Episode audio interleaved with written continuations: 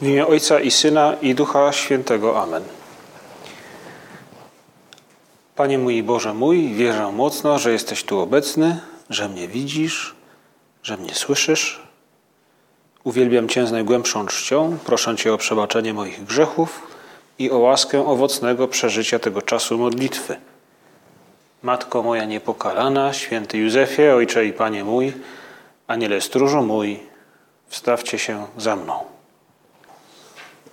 Nasza obecność przed Przenajświętszym Sakramentem z pewnością jest dobrą okazją, by z Panem Jezusem porozmawiać, by, by przedstawić Mu nasze pragnienia, nasze marzenia, także nasz, nasz żal za pewne, e, pewne chwile, w których może nie postąpiliśmy, postęp, postęp, postęp, w których nie postąpiliśmy tak, jak On by tego od nas oczekiwał. Ale to również czas, w którym dobrze jest prosić Pana Boga o pokój. O pokój na Ukrainie. Może szczególnie no, łatwo nam mówić, rozmawiać z Panem Bogiem o tym, gdy mamy żywo w pamięci te osoby, które spotykamy, czy to gdy im pomagamy, czy gdy widzimy je na ulicach, czy chociażby e, w internecie, w telewizji. W piątek, ten piątek, razem z Ojcem Świętym, razem z katolikami na całym świecie, ofiarujemy Ukrainę i Rosję Najświętszemu Sercu Maryi, niepokalanemu sercu Najświętszej Maryi Panny. Prosząc, aby zapanował pokój najpierw w sercach każdej z osób, a później, by pokój zapanował pomiędzy narodami. Wiele lat będzie potrzebnych, by odbudować, by usunąć rany i blizny, które w duszach pozostają. Może nam się to wydawać niemożliwe. Być może naszego życia nie starczy. I właśnie dlatego w sukurs przychodzi nam wiara. Wiara, która pomaga nam ufać, że wydarzą się rzeczy niemożliwe. Bo one wydarzyć się nie mogą dzięki nam, dzięki naszym siłom, naszym, naszej przedsiębiorczości, zapobiegliwości, sprytowi i sile. Wydarzyć się mogą jedynie, jeśli do głosu dojdzie jakaś nadprzyrodzona siła. Ale właśnie przecież na tym polega nasza wiara, że my w taką właśnie nadprzyrodzoną, osobową siłą, siłę, jaką jest Bóg, wierzymy, ufamy Bogu, który jest jeden, ale w trzech osobach. Który nas kocha, który nas powołał do życia, który nas odkupił. To wszystko miesza się jakby w naszej głowie, w naszych myślach na początku tej naszej modlitwy. Spróbujmy to Panu Bogu w pewien sposób powierzyć, zostawić. Wróćmy może do tych myśli jutro i pojutrze. Za każdym razem, kiedy jesteśmy na mszy świętej, a może szczególnie, na pewno szczególnie w ten piątek, gdy powierzać będziemy Najświętszej Maryi Pannie, jej sercu, te wszystkie sprawy. Panie Jezu, my nie chcemy być obojętni na to, co się dzieje wokół nas. My żyjemy w tym świecie, on jest nasz. Wszystkie te sprawy są sprawami, za które chcemy brać odpowiedzialność na tyle, na ile możemy. Czasem bezpośrednio angażując się w różne działania, pomoc, przedsięwzięcia na dłuższą bądź krótszą metę. Ale nawet gdy zadziałać nie możemy, bo nas na to w pewien sposób nie stać, bo mamy jakieś inne zajęcia, obojętni być nie możemy i jednoczymy się z tymi, którzy cierpią w modlitwie, wspieramy ich za każdym razem, gdy tylko możemy. Jak wiele zależy od tego, czy będziemy potrafili patrzeć na te wszystkie wydarzenia z wiarą. I właśnie temu służy też nasza modlitwa. Ona buduje naszą wiarę. Ufność w tę nadprzyrodzoną siłę, która jest w stanie dokonać tego, co jest niemożliwe, co wydaje się niemożliwe.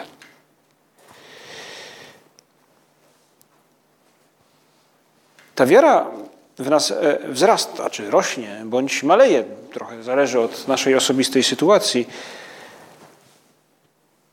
W tym Wielkim Poście w pewien sposób Kościół nam przypomina co róż y, o pewnych, za pomocą pewnych obrazów,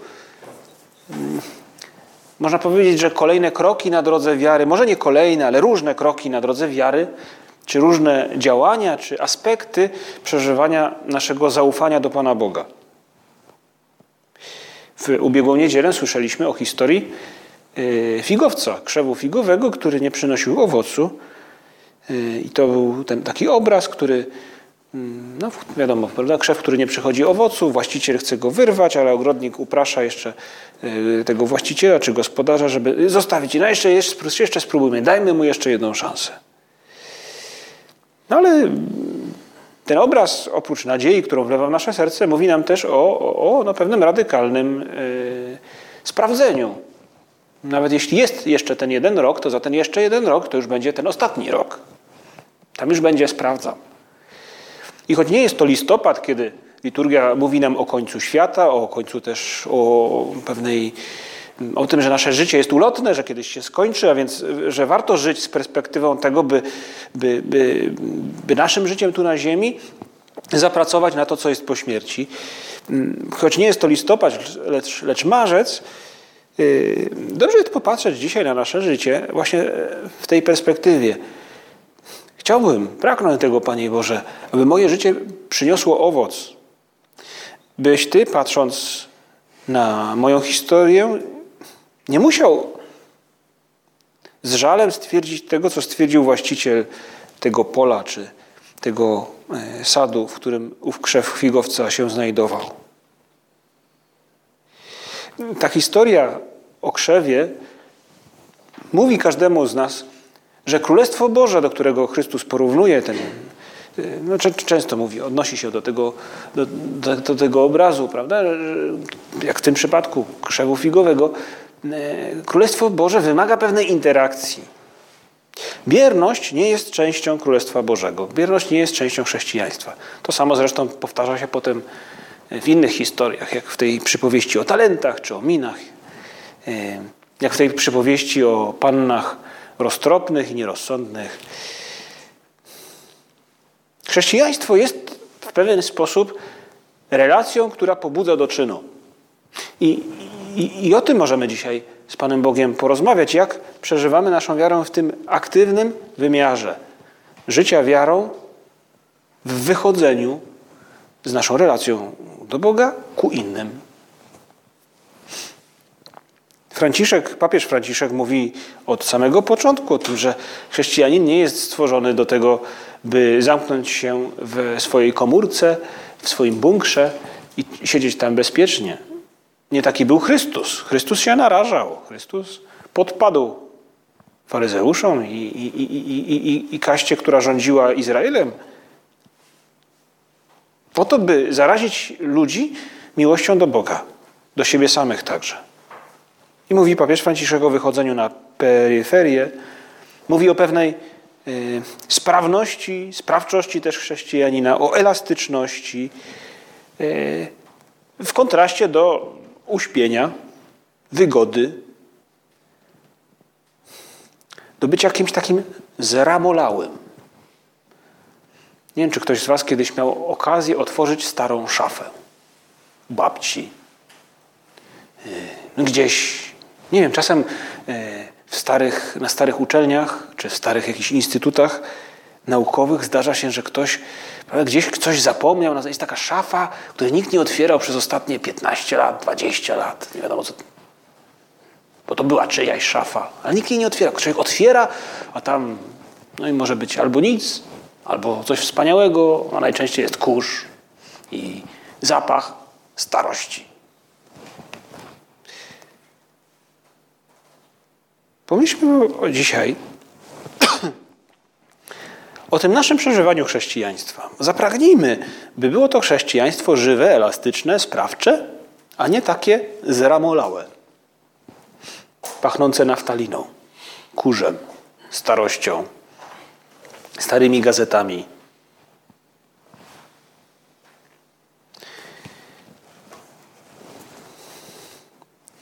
W tym liście sprzed paru lat do ludzi młodych, Christus Vivit, papież Franciszek mówił tak o tym, że każdy chrześcijanin, każdy z osobna jest wezwany do tego przez Chrystusa, z samego założenia bycia chrześcijaninem, przez to, że jest ochrzczony, jest wezwany do tego, żeby być misjonarzem, apostołem, by nie siedzieć w grajdołku własnym. Dlaczego nie mówić o Jezusie? Dlaczego nie opowiadać innym, że daje nam siłę do życia, że dobrze jest z Nim rozmawiać, że dobrze jest rozważać Jego Słowo?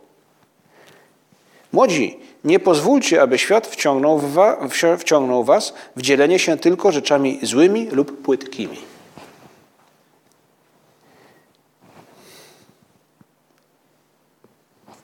Nie chodzi o to, żeby teraz się jakby zdołować. Ale pomyślmy o czym ja, jako chrześcijanin, no jestem chrześcijaninem, jestem chrześcijaninem, tak, jestem chrześcijaninem. Ja o czym rozmawiam ze znajomymi?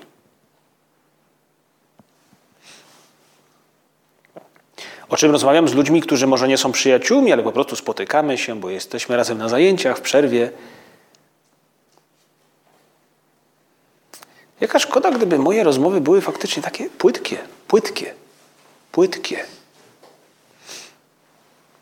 Nie chodzi o to, by być filozofem. No, człowiek, który chodzi i rozmawia tylko i wyłącznie o bycie. Można powiedzieć, że to byłby człowiek no, w naszej sytuacji, takiej codzienności, no, trochę dziwny. Nie, nie wiem, czy myślałeś o tym, jak dotkliwe jest uświadomienie sobie, że przemijamy. Nie dość, że nienaturalne, to jeszcze y, można powiedzieć tak wzniosłe i tak patetyczne, że, no, że chyba nikt z nas. No może popatrzylibyśmy na kogoś takiego jako na, na dziwaka, dziwoląga w najlepszym wypadku. Ale może uświadomimy sobie, że, że czasami niektóre z naszych rozmów są po prostu powierzchowne. Donikąd nie prowadzą. Powodują może, że staramy, staramy się zrobić na kimś dobre wrażenie. I tak naprawdę nie zależy nam ani na relacji, ani na niczym w tej rozmowie. A Chrystus, papież Franciszek nam o tym mówi, oczekuje od nas, że naszym postępowaniem, a czasem naszym słowem przemówimy do innych o dobru, o pięknie, o Bogu. Chociaż czasem słowo Bóg nawet nie padnie. W gruncie rzeczy chodzi o zapał Chrystusa, by ukazać innym, pokazać, jak wspaniałe jest Królestwo Boże, jak wspaniałe jest bycie chrześcijaninem, bez posiadania plakietki na głowie, ani na piersi, ani na plecach. Chodzi o zapał Chrystusa, który mówił nam także, chrześcijanom, idźcie i głoście e, Ewangelię na całym świecie, wszelkiemu stworzeniu. Na tym polega chrześcijaństwo, na naśladowaniu zapału Chrystusa, na tak doskonałym naśladowaniu Chrystusa w sposobie mówienia, w sposobie pracowania, w tym jak traktujemy innych, by inni poczuli dotyk Chrystusa by zobaczyli odblask pracy Chrystusa w tym, jak czym się zajmuje. I w tym jakby zajęciu się innymi, bo to tak naprawdę chodzi nam o to, aby inni pokochali Chrystusa tak jak my, w tym zajęciu się innymi może nam posłużyć, jakby jakoś to obrazuje trochę. Yy, może nieco pobocznie, ale jednak historia, którą słyszeliśmy yy, kilka dni temu na mszy świętej. To jest historia Naamana, wodza wojsk syryjskich, wielkiego pana, który zachorował na trąd. I nie da się ukryć, że głównym bohaterem jest tutaj sam Naaman i to z nim dzieją się różne rzeczy. On spotyka proroka Elizeusza. E, no to jest jakby dwóch bohaterów tej, tej, tej historii. E, I zazwyczaj to oni na pierwszym planie się znajdują i, i i, I, można powiedzieć, że mówi ta historia trochę o pysze, początkowej pysze Naamana, ale także o tym, że dał się jakoś przez dał się jakoś przekonać, też no, w końcu pokora jednak zwyciężyła w nim i, i dzięki temu dostąpił zbawienia. Ale w tej historii są dyskretni bohaterowie, którzy dla nas są przykładem. To są słudzy Naamana. Ta historia, jak wiemy, mówi o tym, że Naaman, ponieważ e, jedna służąca pomyślała dobrze o nim i powiedziała jego żonie, że gdyby jej pan e, pojechał do kraju jej przodków, do Izraela, to z pewnością zostałby uzdrowiony, bo tam jest prorok, który takich rzeczy dokonuje. To pierwsza jakby interwencja kogoś, kto zainterweniować nie musiał, ale kto życzył dobrze temu człowiekowi. I jego, jej imienia nawet nie znamy. I jedzie na Aman, jedzie do Izraela. E, król syryjski dał nawet mu listy do króla izraelskiego, które, jak wiemy, króla izraelskiego nieco wyprowadziły z równowagi, bo mówił mu król syryjski, e, posyłam ci na Amana, żebyś go z trądu uleczył. I mówi mu król, król izraelski, mówi, no patrzcie chłopaki, szuka zwady ze mną. No przecież to jest, oczekuje czegoś, czego nie jestem w stanie uczynić. Dowiedział się o tym prorok, jak mówi nam druga księga królewska, prorok Elizeusz, mówi, przyszli go do mnie, już ja mu pokażę, już ja mu pokażę, że jest prorok w Izraelu. I faktycznie słyszę Neaman przed drzwiami proroka, mm, znajduje się z całym swoim orszakiem, z, z e, wielbłądami, z ilomaś, nawet e, Księga Królewska mówi nam, ile strojów zabrał na drogę, ile talentów, e, złota, srebra i tak dalej. I z całym tym orszakiem Naaman ląduje przed drzwiami czy bramą do domu i czy posiadłości proroka, a prorok posyła przez posłańca zadanie obmyj się siedem razy w Jordanie, a będziesz zdrowy. Naaman się denerwuje, to jest właśnie ta jego, to jego przekonanie, że jakby ja miałem to kupić, osiągnąć, tutaj to moje uzdrowienie, a tu się okazuje, że mną pomiatają i wtedy pojawiają się ci właśnie dyskretni, po raz kolejny w tej historii, dyskretni bohaterowie. Który mówi, yy, którzy mówią Naamanowi, yy, słuchaj, bez przesady. Gdyby prorok kazał ci spełnić coś trudnego, czy byś nie wykonał? O ileż więc bardziej, jeśli ty, jeśli powiedział ci obmyj się, a będziesz czysty. Popatrzmy, że ta cała historia, wspaniała historia, która jest na pierwszym planie, ona nie potoczyłaby się, nie wydarzyłaby się, gdyby nie ta pierwsza służąca i ci słudzy, którzy widać, że kochają swojego Pana, że Jego los leży im na sercu. To są osoby, które naturalnie, bo z pewnym szacunkiem wobec swojego szefa, ale jednak pomagają Naamanowi dać się przekonać. Chcą jego dobra. I tym właśnie jest chrześcijańskie apostolstwo. To dyskretna obecność obok kogoś drugiego. Właśnie to nie bycie filozofem, który zwraca komuś na coś uwagę. Och, przemijanie. To dyskretna obecność, naturalna w danym momencie, to bycie do dyspozycji drugiej osoby, bo taką rolę odegrałby w tym momencie akurat Chrystus obok niej. To nie mówić komuś w tej chwili o Bogu, ale pomóc mu w jakiejś sprawie. To nie mówić mu o Bogu, ale go posłuchać. To nie mówić mu o Bogu, ale modlić się za jego jakąś może ważną intencję, coś czym się przejmuje. A w innej okazji, przy innej okazji może faktycznie, bo ten temat jakoś się pojawi, natural, z naturalnością poruszyć jakąś sprawę. Jak ja to przeżywam, może właśnie. Kwestie cierpienia innych osób, kwestie obaw jakichś, co to będzie w obliczu wojny, jako człowiek wiary. To wszystko zakorzenione jest w tym pragnieniu, które Chrystus zaszczepił w naszym sercu na Chrzcie Świętym, by być jak On, by być kimś, kto kocha innych ludzi. Święty Josemaria mówił tak o tym powołaniu chrześcijanina do apostolstwa, każdego chrześcijanina. Wszyscy razem osuszymy wiele łez, wniesiemy dużo kultury i pokoju, unikniemy wielu antagonizmów i wielu warg oraz sprawimy, że ludzie będą na siebie patrzeć ze szlachetnością chrześcijan, bez nienawiści.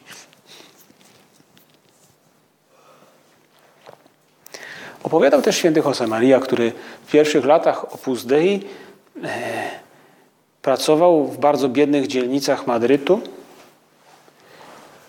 który zajmował się ludźmi bardzo ciężko chorymi, a także biedakami, którzy w przytułkach mogli uzyskać czasami jakiś ciepły posiłek. I opowiadał, mówił w tym przypadku nie tyle o, no mówił, mówił bardziej o, o przywiązaniu kogoś do bardzo prostej sprawy, do bardzo prozaicznego wydawałoby się przedmiotu, ale który sprawiał, które to przywiązanie sprawiało, że ten człowiek był, był niewolnikiem tej sprawy. I, i, I nam może ta historia trochę pomóc popatrzeć, wyobrazić sobie postać, która skupiona jest na sobie. Mówił święty Josemaria, że znał wiele osób z wyższych sfer, które były bardzo oddane innym ludziom i całe swoje majątki szczerze poświęcały właśnie, aby innym działo się dobrze i aby innym pomagać, aby e, nawet osobiście zajmować się często chorymi czy, czy, czy, czy, czy ubogimi. A mówił, ale znałem też jeden przykład, zazwyczaj jest na odwrót, ale, ale znałem jeden przykład człowieka, który będąc niesamowicie ubogi, nie miał serca dla innych, miał tylko serce dla siebie. I to był przykład biedaka, który jedyne co posiadał to łyżka. Cały jego majątek, cała jego własność to łyżka. I gdy przychodził do takiego właśnie przytułku, gdzie biednym osobom e, wydawano jakieś posiłki, to były lata 20 czy 30 XX wieku, a więc 200, no, 100 lat temu prawie. E, mówił, ten człowiek wyciągał z zapazuchy tą swoją łyżkę, polerował ją i patrzył w nią nabożnie. To była jego miedziana czy cynowa jakaś taka łyżka. I mówił, nie pożyczał jej nikomu. To była jego. Jaka szkoda, gdybyśmy my jako chrześcijanie byli trochę tacy właśnie. Taki facet, który skoncentrowany jest na swojej łyżce. Jest mi dobrze. Jak daleko bylibyśmy od tego wezwania, które kieruje do nas papież Franciszek, do tego wyjścia na peryferię, do zajęcia się innymi. Do tego, by inni znaleźli miejsce w moim sercu, ich sprawy, bym przejmował się in, sprawami innych. Jaka szkoda, gdyby służący na Naamana byli tacy. Faceci z łyżką. Aj, bo trzeba ogarnąć wielbłądy narzekanie. I po co mu były te wszystkie stroje? I trzeba było tu przyjechać.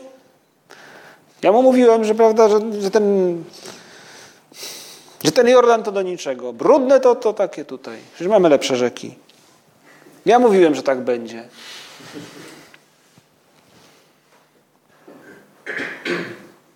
Mało mieliśmy roboty?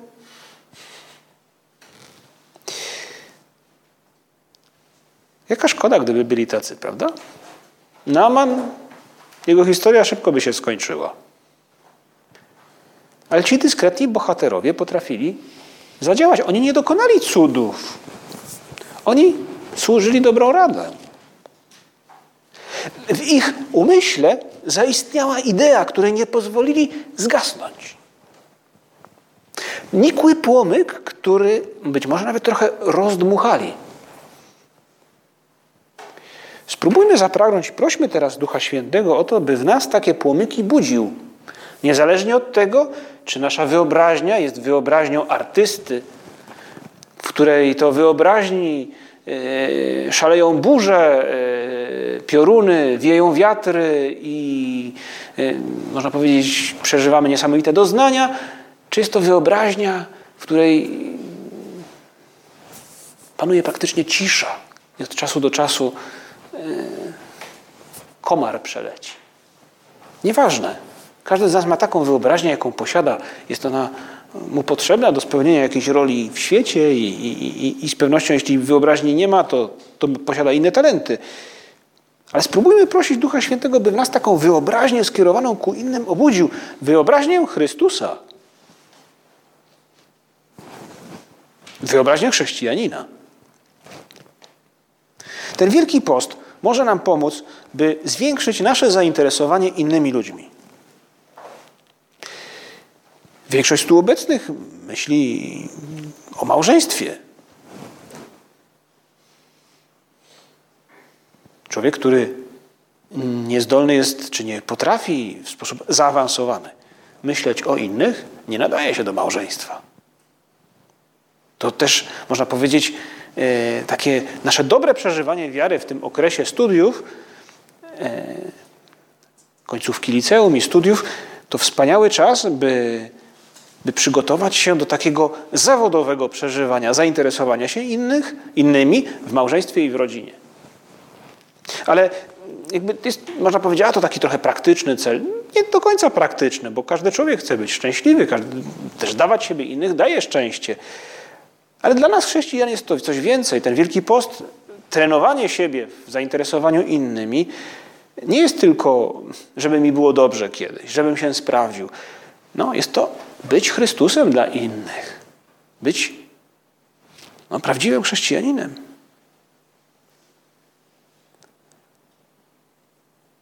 To zapominanie o sobie, czy zainteresowanie innymi wymaga męstwa, bo trzeba zapomnieć o sobie. Ale wymaga także pewnego, pewnej subtelności, pomysłowości, kreatywności, wyobraźni. Po to, by w naszej wyobraźni i w naszym sercu było więcej miejsca dla innych, yy, dlatego też między innymi podejmujemy w Wielkim Poście te różne praktyki, jak post, jak no, jak jałmużna w postaci często zajęcia się jakąś sprawą dla, na rzecz innych, e, jak e, inne, innego rodzaju umartwienia. To także modlitwa wielkopostna i nie tylko wielkopostna, która dotyczy konkretnych spraw, konkretnych osób. Bo słyszałem, mój wujek opowiadał, że razem z żoną Y, przyjmują, czy z ciocią przyjmują teraz rodzinę z Ukrainy i z nią się działo to i tamto. Ci, ci ludzie mogą znaleźć miejsce w moim sercu, w mojej modlitwie. Bo w rodzinie y, teraz y, coś się wydarzyło i ktoś złamał nogę i, i przez to nie może iść do pracy i, i, i obawia się, co to będzie. To jest konkretna intencja, za którą mogę się modlić. Ten człowiek, ta historia może znaleźć serce, miejsce w moim sercu. Bo ktoś zdaje na egzamin, egzamin na prawo jazdy już po raz piąty. Bo wiem, że mój znajomy jest zawodowym leniem, marnuje się. Już mu to sto razy mówiłem. Mogę się może tylko modlić. Popatrzmy, jak zwinni i jak subtelni są ci słudzy Naamana. Zamiast narzekać, mówią mu z szacunkiem i w odpowiedni dla swojej pozycji sposób, zwracają mu uwagę, jakby zachęcając go do tego, by posłuchał proroka. Oni jakby zniknęli, nie ma ich. A Naaman został uzdrowiony.